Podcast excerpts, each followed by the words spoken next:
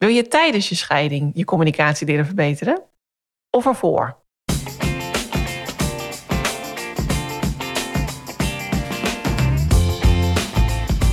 Hey, fijn dat je luistert naar de Scheidpodcast. Ik ben Carly Timmerman van Bureau Carbon, host voor gezinsvriendelijk scheiden. En ik ben Anneke de Groot, bedenker van gezinsvriendelijk scheiden en de grote vriendelijke bemoeial voor alle gezinnen. We nemen je mee in de wereld van fabels, feiten, statements en informatie als het gaat over scheidingen of uit elkaar gaan. Welkom.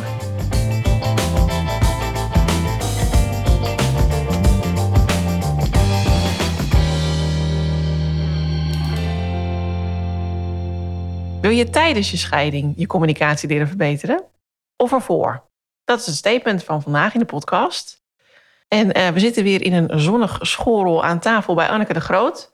De gast vandaag, Berry van Zuidam, helemaal afgereisd uit Breda. Berry, je hebt een achtergrond als financieel planner. Dat klopt. Uh, je bent mediator.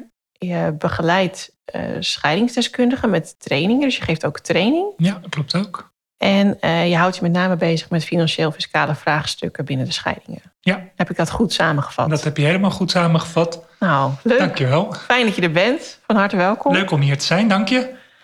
En we gaan het vandaag hebben dus over communicatie, over opvoeden, over voorleven. En de belangrijkste vraag aan jou eigenlijk, Betty, is... wat zie jij nu veel gebeuren in jouw scheidingspraktijk? Want je hebt een scheidingspraktijk in Breda. Dat klopt, ja. Ja, ik heb een scheidingspraktijk samen met mijn partner in Breda... waarin we uh, stellen begeleiden. Mm -hmm. En wat we eigenlijk heel erg veel zien... is dat mensen uh, bij ons aan tafel voor het eerst echt gaan communiceren met elkaar. En heel vaak tot de conclusie komen van... hé, hey, het gesprek zo voeren, dat is voor ons eigenlijk heel waardevol. En dat hebben ze vaak gemist in nou ja, de jaren ervoor. Dat is vaak de reden dat ze uit elkaar zijn gegroeid. Dus pas aan jouw tafel beginnen ze te praten? Dat is wat we, wat we vaak zien inderdaad. Jeetje. En Anneke, heb jij deze ervaring ook? Absoluut. Want Anneke is er ook, uh, lieve ja. luisteraars. Dus misschien wel even goed. Dag luisteraars. nee, ja, dat merk ik bij elk gesprek. Al direct bij het intakegesprek. Mijn intakegesprekken duren vrij lang. Die zitten tussen de twee en de drie uur. En dan hoor ik daarna... hoe kan het nou dat we nu wel hebben gecommuniceerd? Zijn en, ze echt verbaasd over? Ja, zijn ze echt verbaasd over. En met name dat er rust is tijdens het gesprek. En ik zie ze ook echt achteroverleunen in de stoelen. Uh, en op het moment dat ze dat zich bewust worden, uh, dan kijken ze ook naar elkaar. En soms gebeurt het dat we dan juist het coachingstraject op gaan starten om niet te gaan scheiden. En soms merken ze ook wel, oké, maar we zijn nu zo ver. Uh, er is al zoveel pijn en er is al zoveel kapot. dan gaan we wel het scheidingsproces begeleiden. En ik was even benieuwd of Ber dan kan zeggen hoe hij daar dan mee omgaat in de praktijk. Want wat gebeurt er dan als stellen dat tegen jou zeggen? Nou ja, dat is natuurlijk um, heel mooi dat stellen dat zeggen dat ze eindelijk het gesprek kunnen voeren met elkaar. Mm -hmm. Tegelijk is het ook triest dat ze nu pas het gesprek kunnen voeren met elkaar. Um, en wat ik heel erg zie is dat, want jij zegt ik zie rust ontstaan bij mensen. Ik zie dat ze nou ook wat meer achterover zakken. En wat ik, wat ik heel erg ervaar is dat dat vaak te maken heeft met het, het, het feit dat ze even bij zichzelf naar binnen kijken van waar zit mijn behoefte nu. Hè? Door de vragen die we stellen merk je dat mensen nou, even de tijd nemen om bij zichzelf te raden te gaan van ja, wat, wat voor behoeften zitten eronder? Wat voel ik erbij? Wat, wat wil ik nu eigenlijk? En van daaruit het gesprek kunnen voeren. En dan is het onder begeleiding vaak ook inderdaad in alle rust. We kunnen de vragen stellen, mensen laten elkaar meer uitpraten. Ja, dat, dat vind ik wel mooi om te zien. Maar tegelijk denk ik ook een hele trieste constatering... dat mensen dat vaak pas aan tafel doen... op het moment dat de beslissing is genomen om uit elkaar te gaan. Ja. Terwijl het natuurlijk fantastisch zal zijn... als dat nou, in de twintig jaar daarvoor ook zou gebeuren. Ja. En wat wel heel interessant is om te zien... is dat mensen, um, hoe langer ze samen zijn... hoe minder goed ze gaan communiceren. Hoe meer ze in aannames gaan leven... hoe meer ze in verwachtingen gaan leven... Terwijl als, ja, als je net verliefd bent, dan overcommuniceer je eigenlijk. Dan, dan ben je elkaar nog helemaal aan het ontdekken. En het lijkt ook wel alsof mensen dat vergeten tijdens de relatie om dat te doen. Om te checken waar staan we, uh, hoe gaat het met ons, wat zijn jouw behoeften, wat zijn mijn behoeften, matchen die nog met elkaar. Ja, dat, dat, dat, ja, mooi om te zien dat het gebeurt. Maar nogmaals, tegelijk ook wel triest dat het dan pas gebeurt en helaas vaak al te laat is. En nou, Anneke geeft aan van soms starten mensen een coachingstraject om dan toch bij elkaar te blijven. Om te besluiten van nou ja, we zijn nu zo lekker met elkaar aan de praat, laten we er toch nog wat van maken. Ja. Ervaar jij dat ook bij jou in de praktijk? Ja, ehm, nou dat ervaar ik inderdaad. ehm, dat mensen niet per se. Ze zitten bij ons aan tafel omdat de boodschap is gebracht: we gaan scheiden. Ja, En soms is dat omdat het niet meer werkt. Maar soms is dat ook omdat eigenlijk de boodschap is: we willen wel samen verder, maar we weten niet hoe. En dan is het vooral eigenlijk met die mensen onderzoeken wat voor behoeften zitten daaronder. Waar is nu eigenlijk de mismatch op dit moment? Want blijkbaar kom je ergens tot de conclusie dat je wil scheiden. En dan ga je met die mensen eerst onderzoeken. Ja, kan je nog wel samen verder? En hoe, hoe ziet dat er dan uit? Of kom je uiteindelijk wel tot de beslissing, we gaan uit elkaar. Maar dan heb je wel een heleboel pijn die er wellicht zit vanuit de relatie wel al uitgewerkt. Om ook zorgvuldig dat scheidingstraject aan te kunnen pakken. ja, En soms zien we dat mensen tot de conclusie komen van... hé, wacht even, we willen eigenlijk helemaal niet uit elkaar. We wisten alleen niet hoe we samen verder moeten. En nou, nu weten we dat wel door behoeften uit te spreken... door verwachtingen uit te spreken. Eigenlijk door ja, te praten met elkaar... maar ook naar jezelf te durven kijken van... hé, wat heb ik nu nodig in het geheel? ja. En denk je dat mensen dat, eh, dat, dat dus leren bij jou aan tafel eigenlijk pas? Ehm, denk je dat mensen dat leren? Ja. Ik denk dat mensen dat leren. Ze worden zich meer bewust. Eh, wat wij natuurlijk wel in ons werk doen, is vragen stellen aan mensen.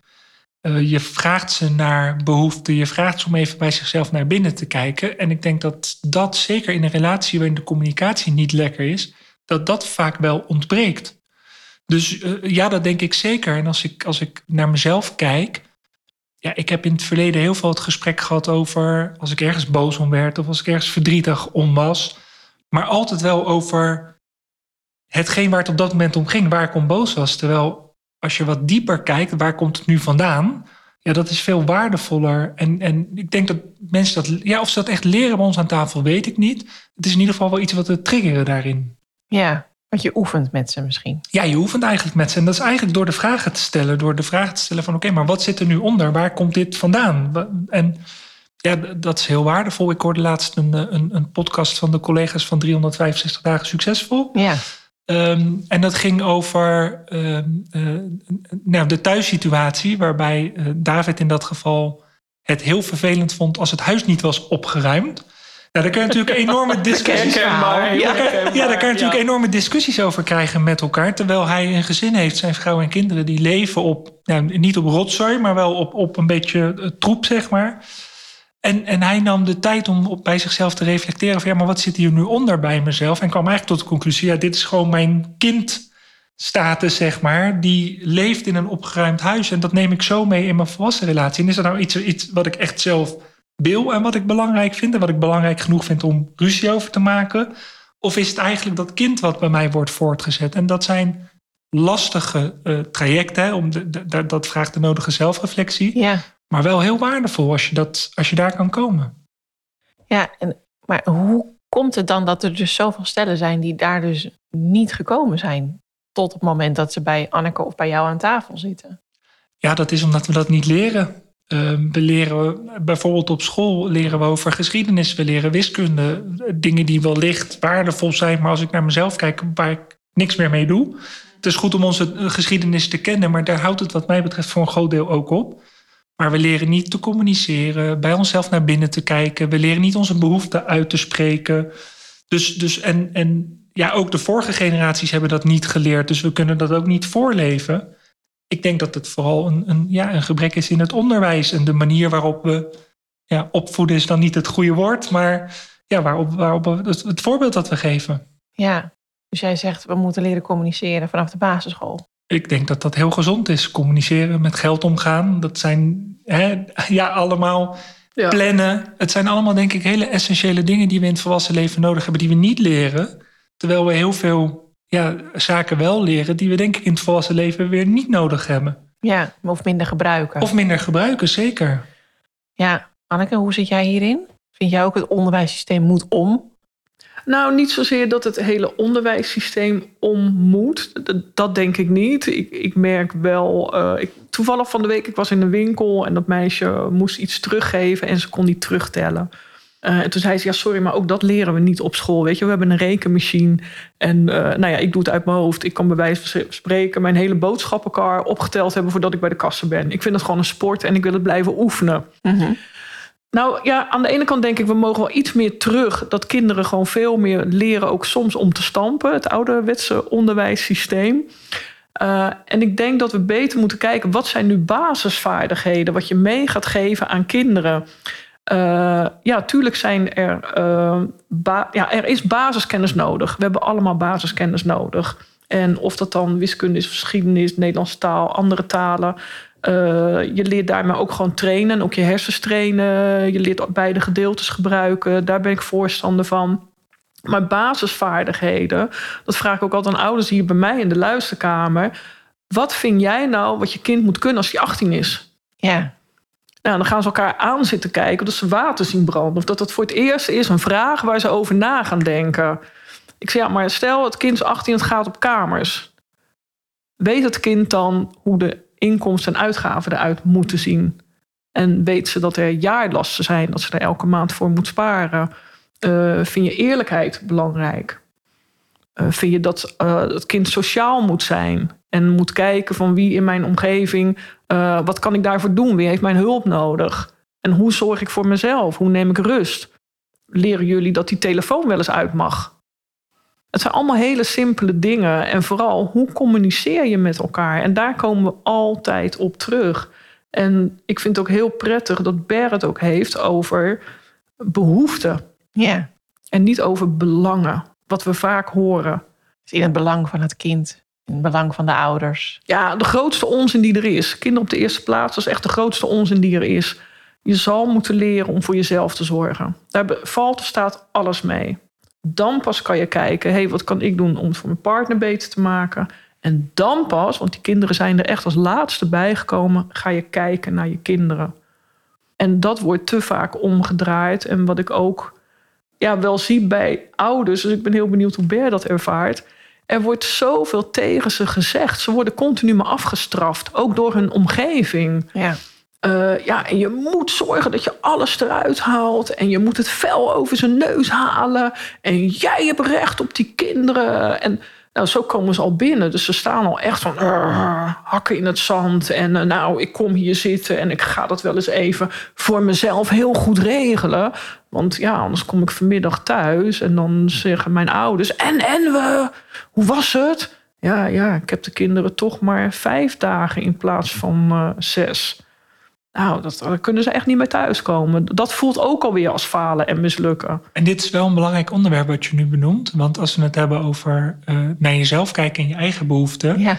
Ja. zijn we heel erg gewend om ons aan te passen aan onze omgeving. En, en dit voorbeeld, wat is eigenlijk de verwachting die mijn ouders van me hebben? En, en dat, dat, dat kan Ja. natuurlijk iedereen zijn. Hè? Dat kan een vriendin zijn, dat kan een vriend zijn. Maar ja, vaak worden we verpest door onze ouders. Even in... in, in nou ja, is dat de goede zin van het woord? Maar hè, vaak worden we verpest door onze ouders. Dat, dat is bij iedereen. Ja. Is dit natuurlijk heel belangrijk. Het gaat dus niet meer over wat is mijn behoefte. Maar eigenlijk wat, hoe ga ik de behoefte van mijn ouders vervullen? Hoe ga ik zorgen dat ik mijn ouders niet teleurstel? Ja. En dat, dat is dus wat we te leren hebben. En, en als ze aan tafel zitten bij ons en, en in die strijdmodus zitten, is het eigenlijk heel mooi om nou niet te kijken naar, ja, eigenlijk wel te kijken naar hoe ik er het onderste uit de kan halen. Maar het onderste uit de kan is vaak niet het meeste financieel of, of, of hè, het meeste de kinderen hebben. Maar vooral, hé, wat, zit, wat is mijn behoefte en wat heb ik nodig om een goede nieuwe start te maken? En dan heb je een ander gesprek met mensen. Want dan gaat het niet meer over van nou, dit is er te verdelen en ik wil daar zoveel mogelijk van krijgen. Ja. Het is vooral, nee, we gaan uit elkaar. Ik moet een nieuwe start gaan maken. Hoe moet ik dat nu gaan invullen? En dat begint weer bij naar jezelf kijken. Wat heb ik nodig? En niet, wat vinden mijn ouders belangrijk? Wat vinden mijn vrienden belangrijk? Nee, wat vind ik nou eigenlijk belangrijk? Ja. Wat heb ik nodig om opnieuw te bouwen aan ja, een lang gelukkig leven? ja, mooi. Ik denk Ja. dat het heel waardevol is als we dit op de basisschool leren. Zeker. Ja, Ja. zeker. En we leren ons juist, op de basisschool leren we eigenlijk ons aan te passen aan anderen. Ja, heel Zit erg. stil, doe dit, doe dat. Dat is belangrijk. Ga nu een half uur rekenen. Je gaat nu een half uur rekenen. Ja, Ja, ja, dat is zeker waar. Ja, en je wordt ook nog eens getoetst op eh, of je het allemaal wel beheerst. Dus je wordt dan helemaal nou, langs een verwachtingslat gelegd. En dan gaat nog een stapje verder, want de dingen waar we niet goed in zijn, daar moeten we de focus op hebben. Ja. Terwijl ik denk dat we hartstikke geholpen zijn door de focus te leggen op de dingen waar we wel goed in zijn, want daarmee kunnen we verder groeien. En nogmaals, ik snap wat Anneke terecht opmerkt. eh, ons basis, on- ons schoolsysteem hoeft niet helemaal ondersteboven, want het is goed om ook te leren dat je soms dingen moet doen die minder leuk zijn. Dat je wel eens moet stampen. Maar het is eigenlijk gek dat we met z'n allen. Hè, we plaatsen de kinderen enorm in een kader, in een hokje. En dan gaan ze werken en zeggen: ja, je moet wel out of the box denken. Denk, hè, we, we leren ze Ja, eerst ja. eh, Maar dat 20 leren we jaar- niet op school. Nee, we leren ze eerst 20 jaar om vooral bi- binnen die box te blijven. Ja. En na 20 jaar gaan we zeggen: ja, jullie moeten wel out of the box denken. Dat, dat is gek. Meebewegen met Mee- de veranderende ja, mee- wereld. Ja, Ja. en het is heel erg ehm, eh, ja, meebewegen, aanpassen aan wat mensen van je verwachten. In plaats van doen wat je zelf belangrijk vindt. En ook aan kunnen geven wat je zelf belangrijk vindt. Ik denk dat daar heel veel te winnen valt nog. Ja, en dat is vaak voor heel veel mensen heel spannend, hè? Om Zeker. eh, op die, over dat soort dingen te praten. Ja, het is heel spannend. En het is ook, ik weet dat Anneke enorm fan is van de geweldloze communicatie. Net als ik overigens. Eh, eh, ook als je op een bepaalde manier leert communiceren, dan leer je eigenlijk dat je alles kan zeggen, mits het maar, ja, op, hè, het is vanuit je eigen behoefte benoemd. Het is op een respectvolle manier veelal. Je verwijt de ander niks, maar je spreekt je eigen behoefte uit. Ja, als we dat aan mensen kunnen leren, ik denk dat dat heel waardevol is. En is dat dus de taak van mediators, zoals jij nu je vak uitoefent? Vind jij dat jouw taak? Eh, nee, dat denk ik niet. Ik, ik vind dat is dus eigenlijk de taak wat in ons, bijvoorbeeld in ons onderwijssysteem zou horen om te leren communiceren. Alleen het gebeurt niet. Dus je komt een klein beetje op, is het mijn taak? Nee. Eh, eh, ja, hebben we ruimte om dat te doen? Ja. Hm. Dus, dus ja, dan, dan neem je eigenlijk die taak waar. Maar het zou veel mooier zijn als mensen dat veel eerder leren. Ja, Het voorkomt een hoop strijd en discussie, denk ik.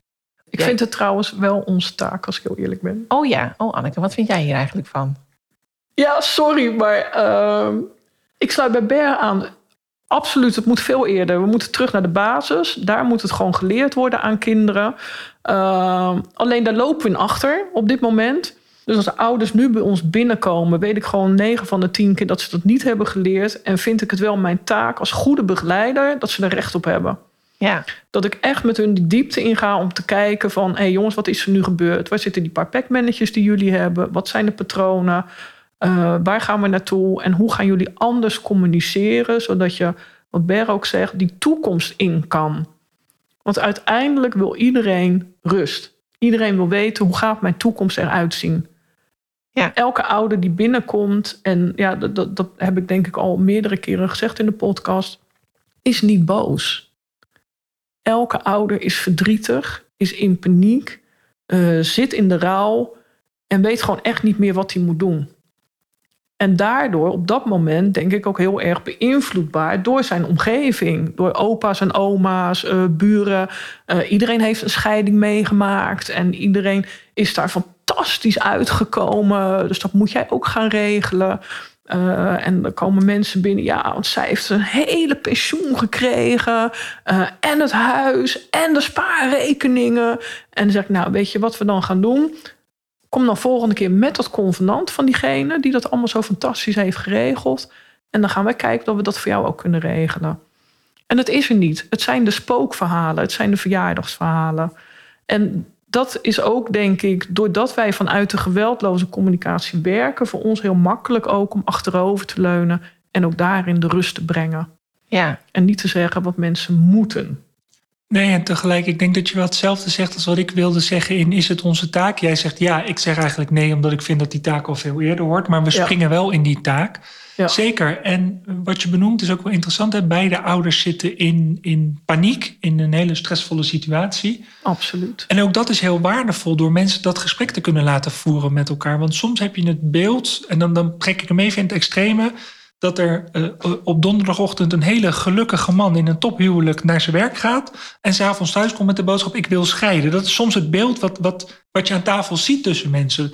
Tot je het gesprek gaat voeren en blijkt van nou, er zit veel meer onder. Ook die man loopt al een jaar met allerlei worstelingen en allerlei nare emoties en twijfel. En, en ook dat gesprek voeren tussen mensen om begrip te krijgen voor elkaars situatie. Wat ze dan dus gemist hebben in, in nee, dat afgelopen jaar, of wat dan ook de periode is geweest. Ja, super waardevol. En zeker onze taak. Alleen, ja, dan, dan, ja, wat ik eigenlijk probeerde te zeggen is... nou, ik vind het niet onze taak omdat het eerder hoort... maar we springen er nu inderdaad in... omdat we niet anders meer kunnen. Ja. ja. Ja.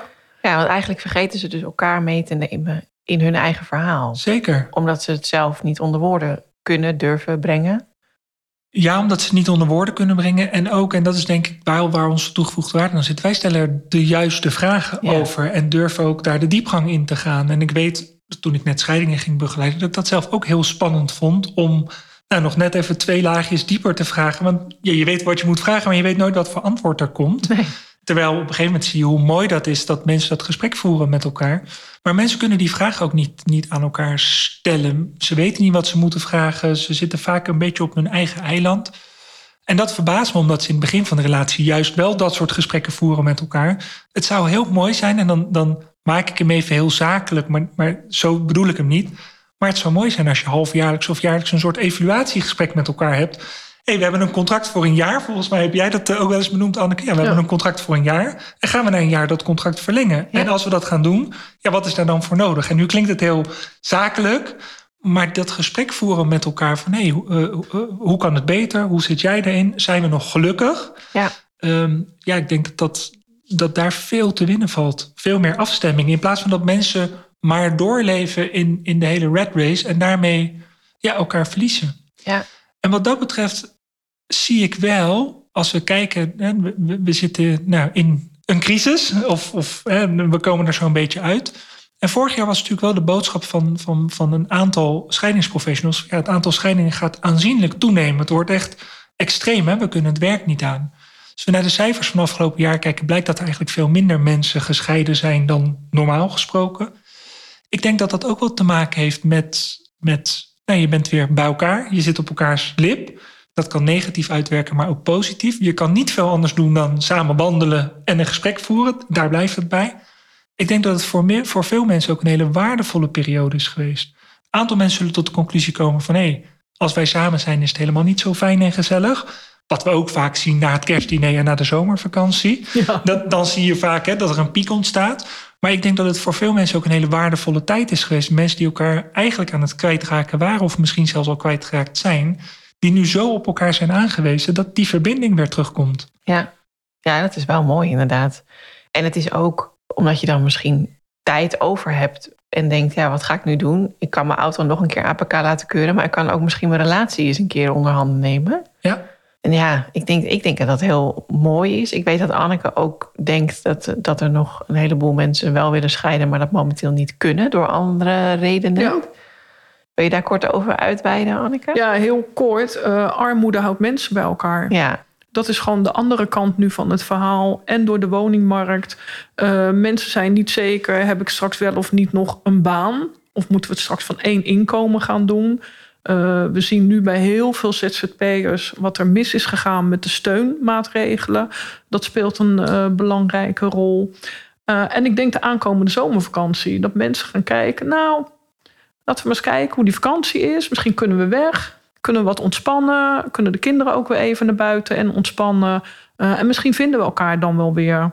En ook daarin blijft uh, continu maar die verwachtingen de boventoon voeren. Het is wel mooi wat je zegt, want uh, dit is natuurlijk ook wat we in de vorige crisis hebben gezien, de kredietcrisis, dat mensen eigenlijk bij elkaar zijn gebleven, want ja, we, we kunnen niet anders, we zitten financieel vast. En wat jij zegt, Anneke, dat is denk ik wel een probleem wat we veel zien. Niet alleen in relaties, maar, maar überhaupt. Nou, als die zomervakantie komt, dan hebben we even rust, dan kunnen we ontspannen, dan kunnen we opnieuw verbinden. En eigenlijk denk ik al, als dat het gevoel is wat eronder zit, ja, dan ben je misschien wel al te laat. Want volgens mij moet je ook gewoon op donderdagavond na een dag hard werken aan de keukentafel met elkaar kunnen ontspannen en verbinden. En is twee weken vakantie per jaar of vier weken vakantie per jaar, ja, denk ik niet voldoende om dat te doen. Dus ja, dat is inderdaad de verwachting die eronder zit. En dat is natuurlijk als dit dan dat. Hè. Als we dan een vakantie hebben, dan komt het wel goed. Dan, ja, ik vraag me af of dat de goede manier is. Ja. Want blijkbaar zit er dan al iets onder, waardoor je het gevoel hebt, hey, het zit niet helemaal lekker. Ja. Nou, het is niet de goede manier. Ja, ik denk dat er geen goede fout is. Ik denk eerder dat dit ook een van de sluipmoordenaars in de relatie is. Als we verhuisd zijn, dan hebben we rust. Als de tuin klaar is, nou, dan gaan we genieten. Uh, als de kinderen zijn, nou, dan zijn we zo gelukkig. Dan zijn wij het perfecte gezinnetje. Ja, en zelfs... dat zijn precies de gesprekken, sorry Bert, uh, die allemaal in ons hoofd plaatsvinden. Ja, maar die niet met hoofd. de partner plaatsvinden. Ja. En dat is de verschuiving die plaats moet vinden. Wat Bert terecht zegt, ga op donderdagavond gewoon eens met elkaar aan die keukentafel zitten. Uh, jongens, onze tijd vanavond. De kinderen gaan gewoon naar bed. Hoeven niet te gaan slapen. Dus doe gewoon lekker wat je vervelend vindt als kind.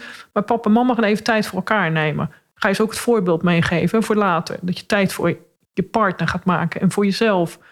En ga dan maar eens bespreken met elkaar. hey, hoe was jouw week? Hoe was mijn week? Eh, we gaan op vakantie. Wat wil jij doen in de vakantie? Hoe gaat die voor jou eruit zien? Wat is voor jou ontspannen? Waar haal jij je rust uit? Waar haal ik mijn rust uit? Nou, soms is het heel fijn om allebei één dag voor jezelf te hebben in de vakantie. Wie gaat er koken in de vakantie? Wie gaat die wasjes draaien? Want 9 van de 10 keer zie je toch op campings dat die vrouwen bezig zijn met eten maken, de hapjes maken voor de buren die er zijn. En man zit achterover in zijn stoel met een biertje. Ik chargeer weer, want ik zie uh, Carly alweer kijken van... hmm, Anne, hè? Uh, dat zijn we ondertussen wel gewend. En dat is wel wat er gebeurt. Maar Anneke, ik durf dat zelfs wel breder te trekken. Dat is niet alleen in een relatie, maar ik denk dat het in het hele leven is... dat heel veel mensen nu niet happy zijn of niet goed in hun vel zitten... of, of niet op de ideale plek zitten, maar denken als dit, ja. dan dat. Als we dat nieuwe huis hebben, als ik die nieuwe baan heb... Um, als ik met pensioen ga... En, en, het is een soort uitgesteld genieten, zeg maar, wat mensen doen. Ja.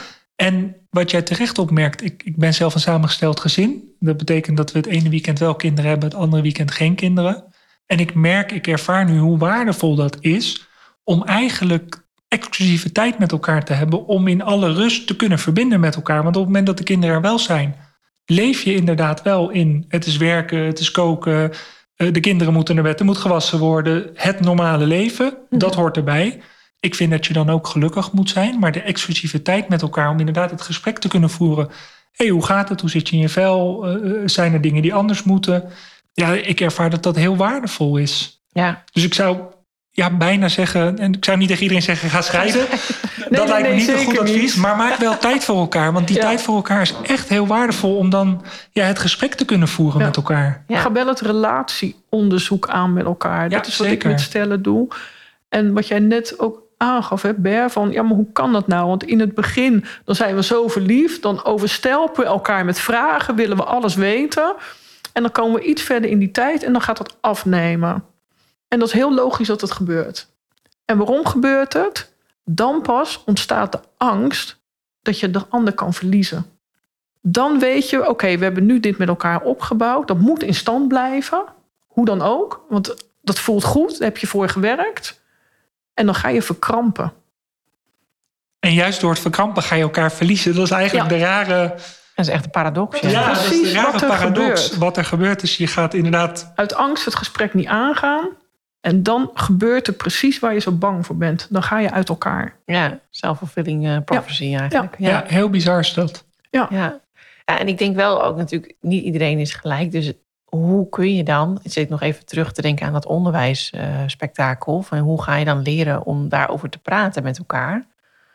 Want ik weet niet, jouw relatie is waarschijnlijk anders dan mijn relatie. Zeker. En dan die van Anneke. Ja. Dus ik heb andere behoeftes, mijn partner heeft andere behoeftes. En toch is het nodig om daar een gesprek over te voeren. Regelmatig zeggen jullie. Van, eh, ga, ga dat gesprek aan. Ook al heb je het idee dat het goed gaat, juist dan misschien. Zeker. Hoe kun je nou dat oefenen voor jezelf? Hoe, Nou, ik denk dat je er mij eigenlijk al inkomt. Hé hey Carly, wat is jouw behoefte? gewoon die Hoe- simpele vraag. Ja, die simpele vraag. Oké, het is belangrijk om het over te hebben. Hoe wil je het erover hebben? En de basisbehoefte die iedereen heeft, die juist voor elk mens gelijk is, dat is de veiligheid. Ja, Op het moment dat jij je veilig voelt in een relatie. ehm, dat is, ik vraag wel eens aan cliënten als ze dan hier zijn en ze zitten in coachingstrajecten en dan gaat het heel vaak over jaloezie. En dan zeg ik: Oké, maar stel dat dat woord niet bestaat. Ik zeg, dus gooi dat uit je woordenboek. Hoe zou je het dan omschrijven? En dus ja, maar ik voel me niet veilig. Want dat is het 9 van de 10 keer. Je voelt je niet veilig genoeg om het uit te kunnen spreken. En dat is juist de eerste zin die je zou moeten zeggen tegen je partner. Ik wil vanavond met jou in gesprek. Het voelt voor mij ja, eigenlijk een beetje onveilig. Ik vind het best wel eng om het met je te bespreken. Maar ik vind het zo belangrijk dat wij de relatie in stand houden. Ik wil in ieder geval de relatie die ik met jou heb in stand houden. Dus ik wil het wel heel graag met jou gaan bespreken. ja nou, en dan ga je pas benoemen, eh, wat zou ik anders willen? Eh, dan ga je het verzoek indienen bij de ander. Eh, nou, nogmaals, de ander mag er ja of nee op zeggen.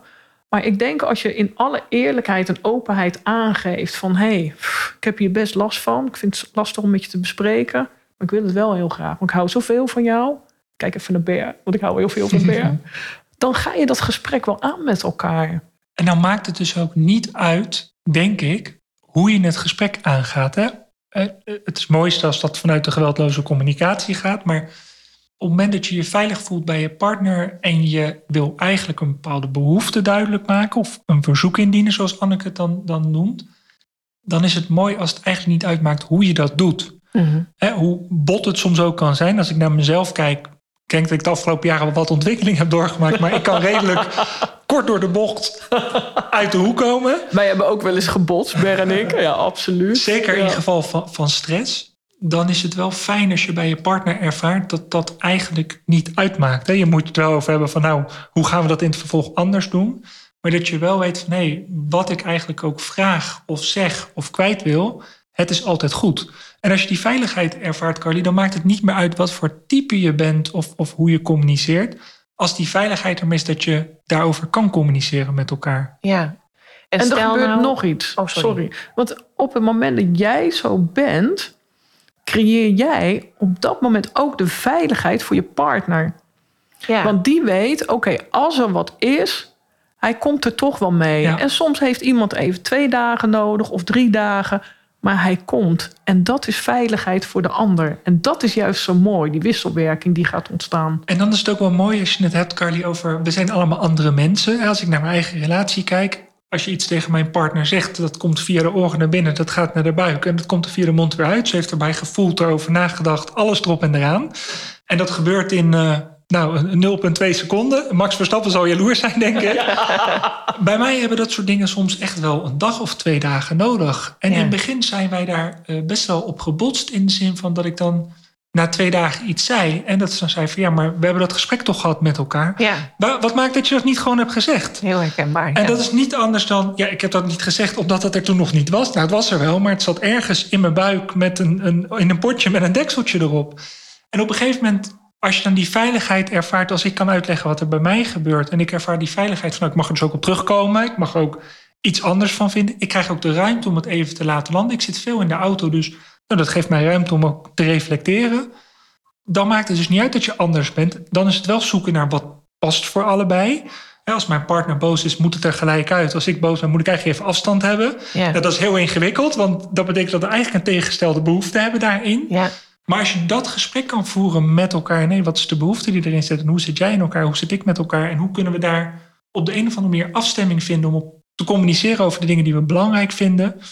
Ja, als die veiligheid er is, ben ik in de overtuiging dat dat altijd wel goed komt. ja, en dat heeft dus ook te maken met je eigen gebruiksaanwijzing kennen. Zeker. En dus ook met zelfreflectie en goed voor jezelf zorgen en weten waar je behoefte ligt. Ja, zeker. En je behoefte kunnen benoemen. En dat is dus, als we teruggaan naar het onderwijs, dat is Ja. niet wat we leren. En dat is hartstikke belangrijk. We leren vooral ons aan te passen aan de behoeften van een ander. Ja, Maar we leren, ja, we leren zelfs niet eens naar onze eigen behoeften te kijken en te luisteren. Laat staan dat we de behoefte aan kunnen geven. ja. Wat, Ja, ik en- wel, sorry, wat ik wel net even spannend vond. Want jij zei, nou, dan heb ik soms wel eens even twee dagen nodig. Ja? Eh, jij zei, oh ja, heel herkenbaar. Is er verschil tussen man en vrouw? Daar ben ik even benieuwd naar. Want jij zit nu als man aan tafel, Ber. Ja? Merk jij? Nou, daar ben ik wel echt benieuwd naar. Ja. Eh, ook, nou ja, ook voor de, ik denk dat luisteraars zich dat ook afvragen.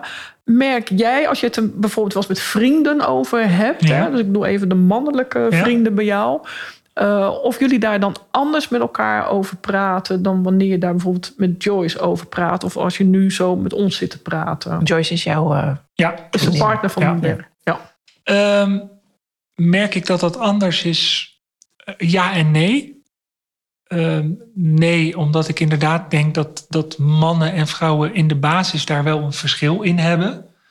Tegelijk merk ik ook dat je op een gegeven moment wel de mensen om je heen verzamelt die passen bij wat jij belangrijk vindt. Hè. Dat maakt ook denk ik dat je ziet tijdens je leven vrienden komen en gaan en dat, dat ontwikkelt zich. Dus ik heb nu met vrienden ook wel meer het gesprek in, hé, wat zit er nu onder? Wat vind je belangrijk? Mhm. Wat neem je mee uit het verleden? Maar ik denk dat er in de basis wel een verschil is tussen mannen en vrouwen. Ik, ik, ik roep wel veel aan, ik zeg wel veel aan tafel. Hé, ik hoor nu de man met zijn hoofd praten en de vrouw met haar buik praten. En dat is een enorme mismatch. En daar moet je gaan zoeken naar elkaar. En hoe ga je daar invulling aan geven? En hoe- wat bedoel je dan als een vrouw met haar buik praat? Nou, dat, dat de een meer rationeel aan het praten is en de ander meer vanuit gevoel aan het praten is. En dat je dus. Ik, ik had laatst een stel aan tafel waarbij hij een voorstel had gedaan. Dat was zakelijk gezien echt een heel redelijk voorstel. Eigenlijk een heel goed voorstel. En ik hoorde de vrouw eigenlijk zeggen: van ja, het zal allemaal wel kloppen. Maar ik maak me nog steeds zorgen om hoe ik mijn toekomst in ga vullen. Waarbij hij zei: Ja, hoezo maak je er zorgen om? Het is toch prima geregeld? Het klopt ook allemaal. Hè, Berry? Ja, het klopt allemaal. Oh ja. Maar dan zit er wat anders onder. En dan, dan heb je een beetje dat. Ja, het hoofd met de buikkant praten is, noem ik het dan maar even. Dat, dat ja, gevoel en verstand.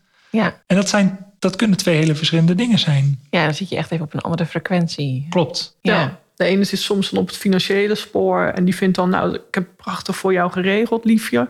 En de ander denkt van, wow, maar misschien moet ik de wijk wel uit. Ja. Waar mijn herinneringen zitten. Hier ben ik groot geworden met de kinderen. Ja, En dat is een enorme verlies wat dan om de hoek komt kijken. En eh, de alimentatie dan, of de helft van de spaarrekeningen, speelt voor haar even niet. Nee. Ja, en dat is altijd zoeken in de gesprekken met cliënten. Wat zegt de een, wat zegt de ander? Dus je moet enorm goed kunnen luisteren. ja, en hoe bouw je dan ook dus weer die brug tussen hoofd en buik? Door het te benoemen. Wij hebben natuurlijk niet de angst die zij hebben. Wij hebben niets te verliezen. Wij mogen en kunnen elke vraag stellen aan de ouders of stellen die bij ons in de luisterkamer zitten. Eh, dat is voor hun heel anders, want zij hebben veel meer te verliezen met elkaar. Dus sommige, sommige vragen zullen zij niet stellen aan elkaar uit angst. Ja, En wij hebben dat niet. Nee. Eh, en wij benadrukken natuurlijk juist altijd. Hier mag je alles tegen elkaar zeggen. Dit is in de veiligheid van het drie-gesprek. Alles blijft hier. ja. Ja, dat is natuurlijk super fijn. Want ik kan me ook voorstellen, als je dus eh, eenmaal de moed bij elkaar hebt geraapt, hè, thuis, het gaat niet zo goed in je relatie, dat je zegt van joh, ik wil graag eh, over mijn behoeften praten en ik wil met jou het gesprek aangaan. En dat dan iemand anders zegt, ja, dat weet ik niet hoor, ik weet niet wat mijn behoeften zijn. Ik vind het ook niet zo belangrijk. Hoe Ja, ga je dan kan. verder? Dat is natuurlijk, denk ik, een gesprek waarvan mensen, mensen die het woord behoefte voor het eerst horen, die zullen soms denken, wat bedoel je? Weet je, wat, wat, wat wil je nou precies van mij? Hoe moet dit? Waarschijnlijk zit dat eronder. En dat ze dan Ja. in, de, in de weerstand schieten en het gesprek afsluiten. Hoe ga je dan verder? Wat heb je nodig om hier verder mee te kunnen? Dat is eigenlijk de vraag die je stelt.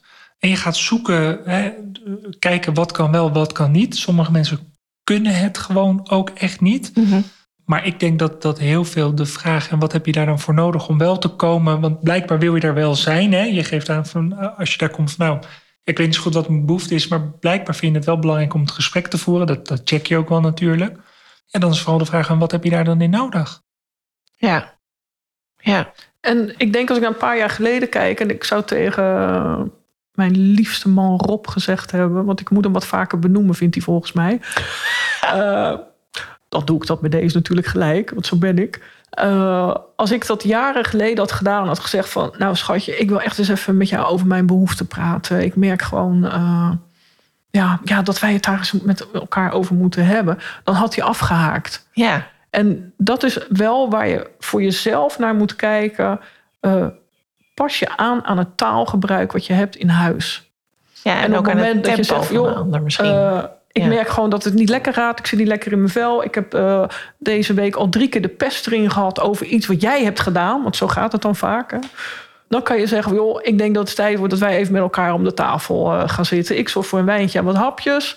Eh, maar we moeten even weer wat dingen afstellen met elkaar. Want het loopt gewoon niet lekker. En Ja. dit is natuurlijk wat we in ons werk ook enorm doen. Hè? Je, hebt soms, je hebt hele verschillende mensen aan tafel. En ik denk dat het de kunst is om aan te sluiten bij hun wereld, hun taal te praten. Daar zit denk ik onze, onze waarde ook.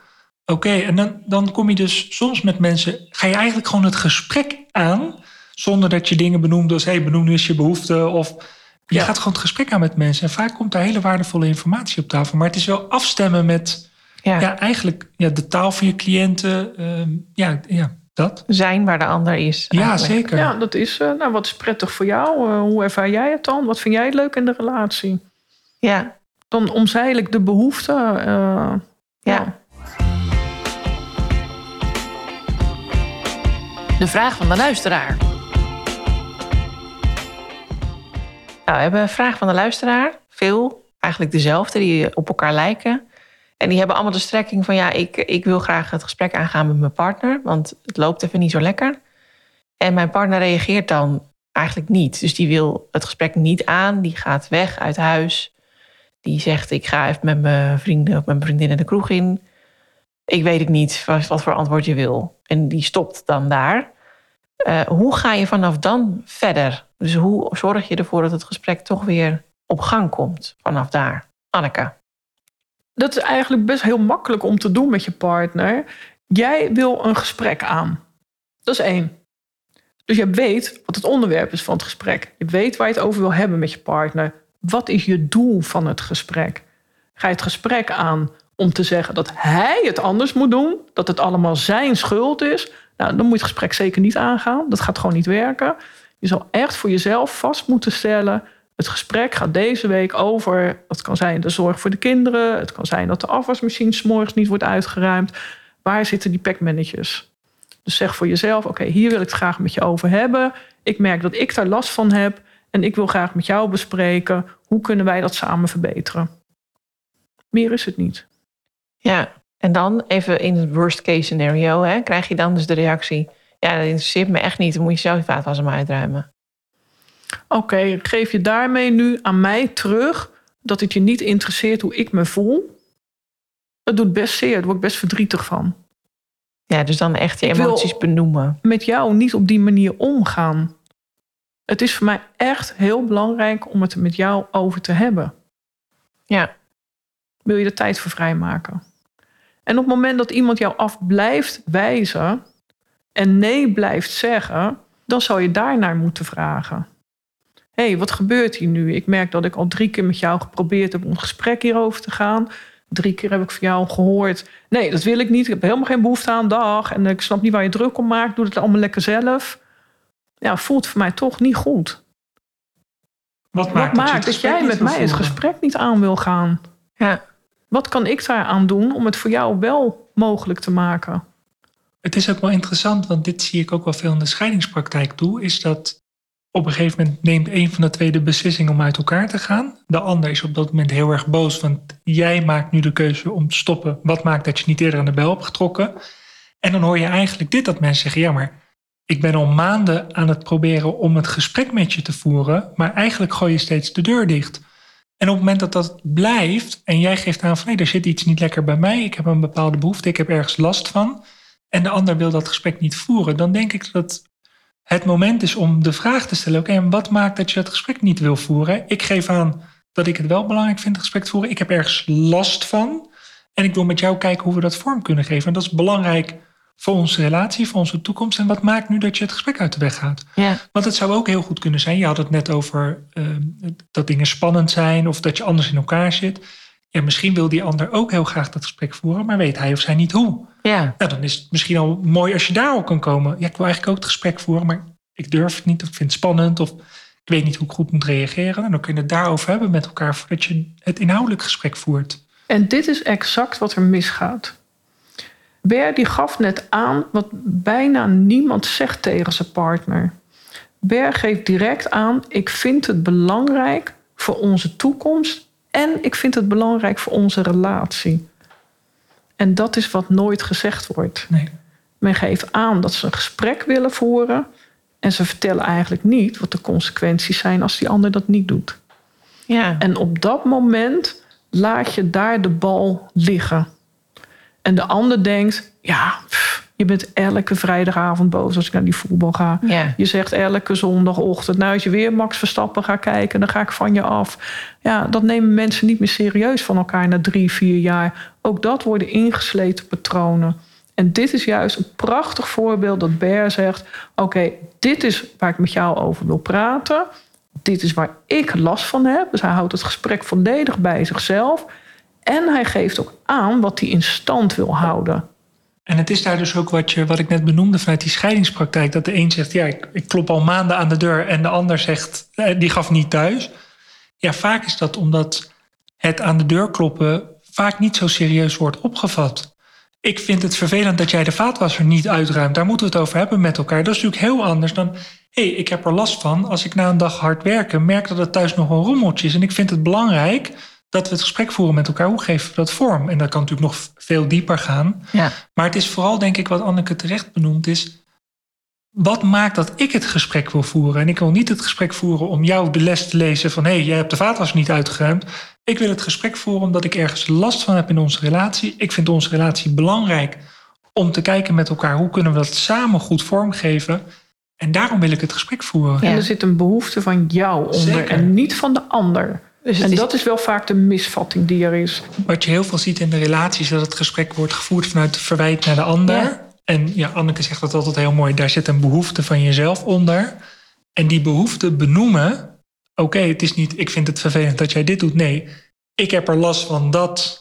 Nou, noem maar op. En dit is mijn behoefte die eronder zit. En daar wil ik het over hebben, want dat is belangrijk voor onze relatie. Ja, En wat je heel veel zal zien, is dat het kleine voorbeeld van de vaatwasser uitruimen, dat er nog veel meer behoefte onder zit. En dat die behoefte breder is dan alleen maar de vaatwasser uitruimen. Ja. En dat gesprek kunnen voeren met je partner is belangrijk. En als je dan nog steeds een dichte deur krijgt, ja, dan kom je op een gegeven moment op de vraag: oké, maar ik geef aan dat ik ergens last van heb. Dat ik het belangrijk vind om daar het gesprek over te voeren. En wat voor onze relatie en voor onze toekomst, wat maakt dat je dat gesprek nu niet wil voeren? dus eigenlijk ook echt het proces benoemen. Zeker. Ja. ja, dat is denk ik ook wat mensen snel vergeten. Hè? Dat je, je kan wel makkelijk benoemen wat, wat irritant is of waar je boos van wordt. Maar het is moeilijker om te zeggen wat er gebeurt op En- dat moment met jou. En dan komen we weer terug bij het hoofdonderwerp. We leren niet communiceren. We leren niet bij onszelf naar binnen te kijken. En daar begint het allemaal. Ja, En vooral niet zeggen wat je wel wilt. ja, Dat is een van de moeilijkste vragen in Nederland om te beantwoorden. En dat leg ik ook altijd heel makkelijk uit aan ouders. Ik zeg, vraag maar aan mensen waar ze heen gaan op vakantie. Het eerste wat ze zeggen, nou, ik ga niet naar Frankrijk, want dat was echt niet leuk vorig jaar. ja, ja, ja, ja. En niemand geeft eigenlijk aan, ik zou zo graag gewoon drie weken naar Mexico willen reizen. ja dat Nee, ik ga eerst dromen. zeggen wat ja. er niet leuk is. Ja. Ja. ja, mooi. Dankjewel Berry voor je bijdrage aan dit mooie gesprek. Dank je dat ik hier mocht zijn. Anneke bedankt. Ja, ik vond het echt een heel... Ja, het is uiteraard aan de luisteraar, het is niet aan mij om dat te zeggen. Maar ik vond het echt een heel prettig en leuk gesprek. Ik ook. Dankjewel. Yes, tot de volgende keer. Veel dank voor het luisteren. Zit jouw hoofd nog vol met vragen? Wij horen ze graag. Geen vraag is te gek als het om jouw toekomst gaat en om de toekomst van je gezin. Stel ze gerust via info.gezinsvriendelijkscheiden.nl Maar, info.gezinsvriendelijkscheiden.nl dankjewel. En misschien komt jouw vraag dan in de uitzending. Anoniem uiteraard.